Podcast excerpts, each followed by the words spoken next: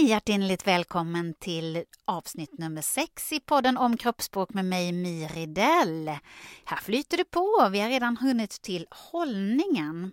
Förra avsnittet var det första intrycket och hållningen påverkar faktiskt både ditt eget humör och det påverkar den du möter. Så jag tycker det är väldigt spännande så vi ägnar avsnittet åt det. Och på teatern så talar vi mycket om hållningen och det är till och med så att man kallar det högstatus och lågstatus i hur man faktiskt har sin hållning. Det har ju ingenting med social status att göra utan det betyder ungefär säkerhet kan man säga. Så att om man ser en person med dålig hållning böjd rygg, axlarna framåt och så vidare, så ger inte det ett så säkert intryck. Men en god hållning eh, gör däremot det.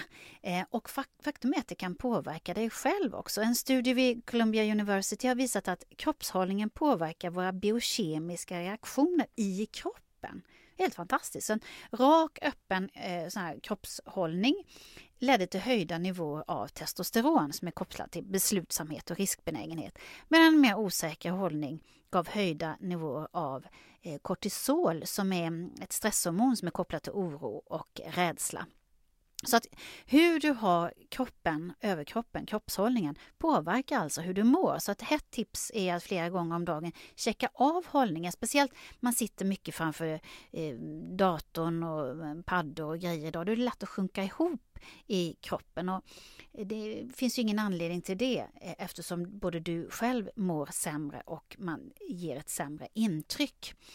Eh, och sen är det ju dåligt för kroppen också. En forskare på Nya Zeeland, Steve August, han har ju studerat hur vi påverkar rent kroppsligt. Och den här lilla knölen som man kan få här bak i nacken, eh, den kallas ju man kan, paddnacke, täcknacke eller han säger eye hunch. Och det behöver man inte vara Einstein för att klura ut att det är dåligt att ha den här kroppshållningen även för själva kroppen fysiskt.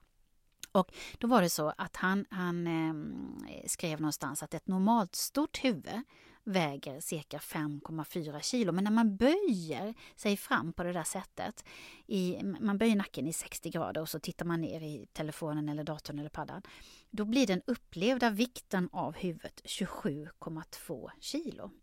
Så det är klart att det är inte speciellt bra för eh, kroppen. Och sen så är det det här som vi har talat om på teatern som är så härligt namn, glada punkten. Att när man sträcker på sig så ska man tänka på sig att man hade en liten punkt fram på bröstet som eh, det är faktiskt ett, ett uttryck från Dramaten från talpedagogen Kerstin Forsmark som tyvärr inte finns längre. Men hon jobbade där. Hon myntade det här uttrycket, glada punkten. Och den här punkten ska man alltså lyfta upp och lyfta fram. Men de som sysslar med idrott eh, brukar ju säga visa medaljen eller ja, att man har den här lilla punkten som man visar upp. Eh, Balettdansös, när man liksom, de tänker som att det är någon som drog i några hårstrån i nacken så att man får den här goda hållningen. Och då faller ju axlarna på plats utan att man blir spänd och halsmusklerna de slappnar av och vi ger lungorna plats och andas. Och tänk på hållningen även när du sitter ner. Det är så himla lätt att, att säcka ihop om man sitter på en stol eller i en soffa. Man kan förlora sin status. Man, man tänker på att de här morgonsofforna som man faktiskt inte har så mycket längre utan man sitter ju mer på stolar. Men man, man, när man säckar ihop sådär så förlorar man sitt pondusuttryck. Det är någonting att tänka på faktiskt. Jag tänker på det rätt mycket. Jag är moderator och konferencier och då, då tycker arrangören att man ska släpa upp soffor på scenen som, som folk ska sitta i och bli intervjuade. Och det kanske passar jättebra eh, på tv när man kan klippa mellan olika bilder och man kan göra närbild och sådär. Men det blir ett lite mm, mer lojt intryck eh, faktiskt om man har det på scen och live.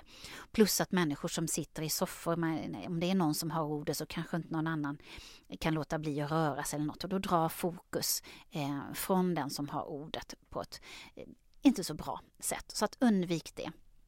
Tänk på eh, faktiskt att sträcka på dig även när du sitter ner. Och då får man den här luftpelaren och rösten blir avslappnad och bra. Eh, jag har lite bilder, jag kommer att lägga ut dem på LinkedIn och på Facebook och det finns också film om det här på Youtube där jag visar det mer med kroppen. Our bodies change our minds, our minds change our behavior and our behavior change our outcome, sa Amy Cuddy. Hon har pratat väldigt mycket om det här. Vi tar och lyssnar på vad hon har sagt.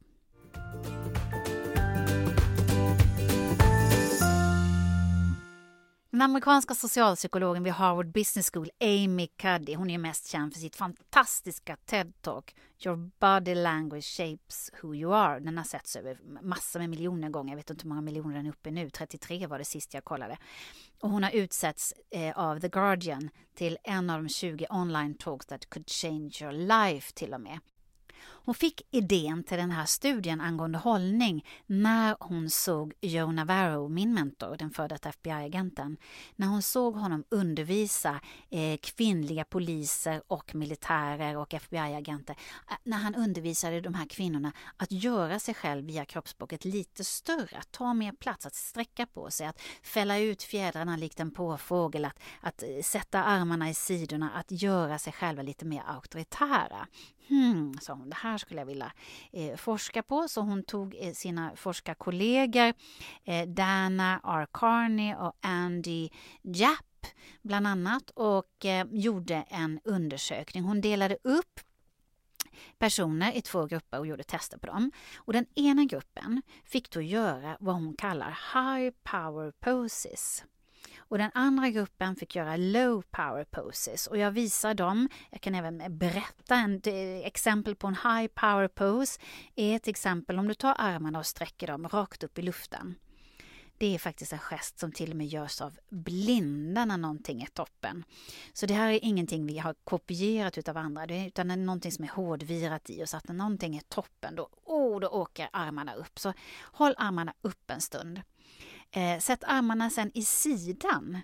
En arms akimbo, gör en sån här Wonder Woman pose. Det är också en high power pose.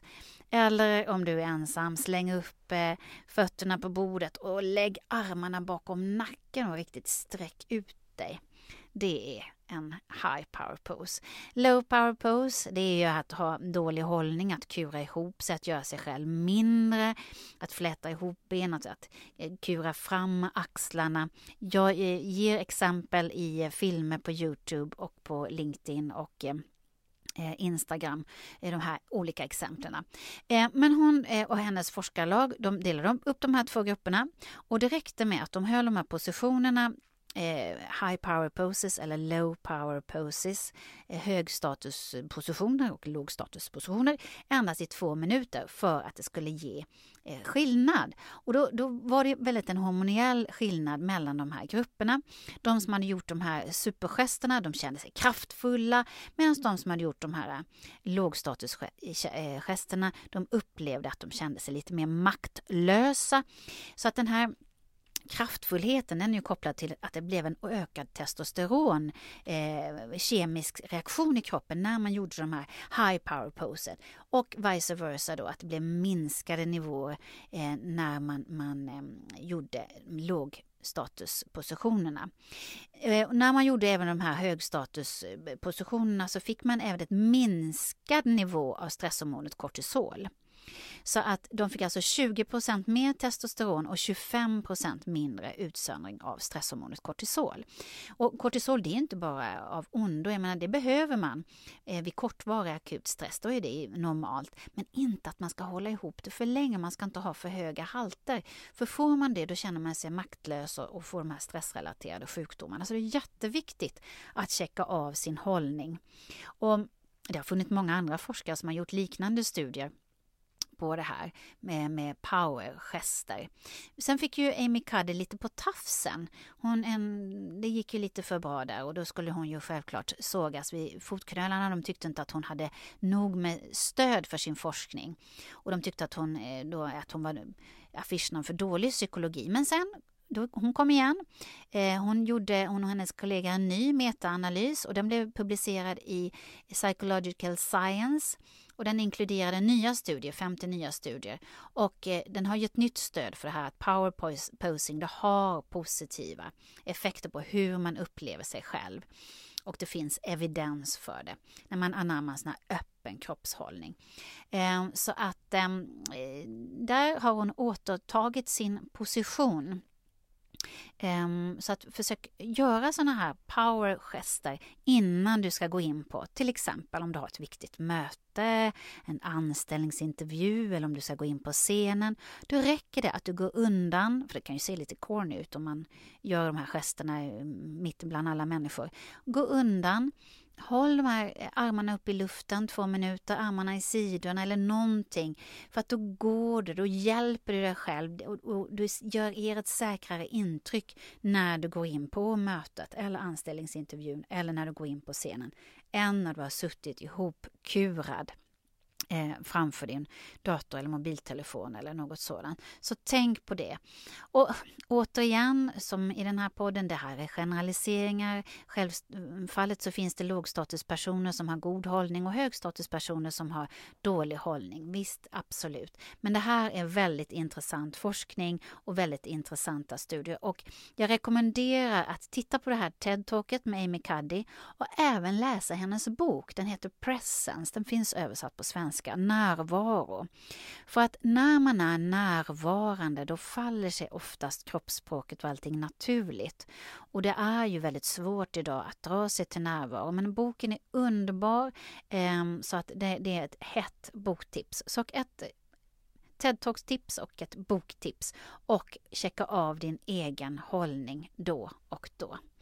Så att det var dagens korta tips om hållningen. A good stance and a posture reflect a proper state of mind. Det är ju ett engelskt uttryck. Så att gör så och ha det så gott och eh, dela gärna podden om ni tycker att någon annan ska få veta det här med hållningen.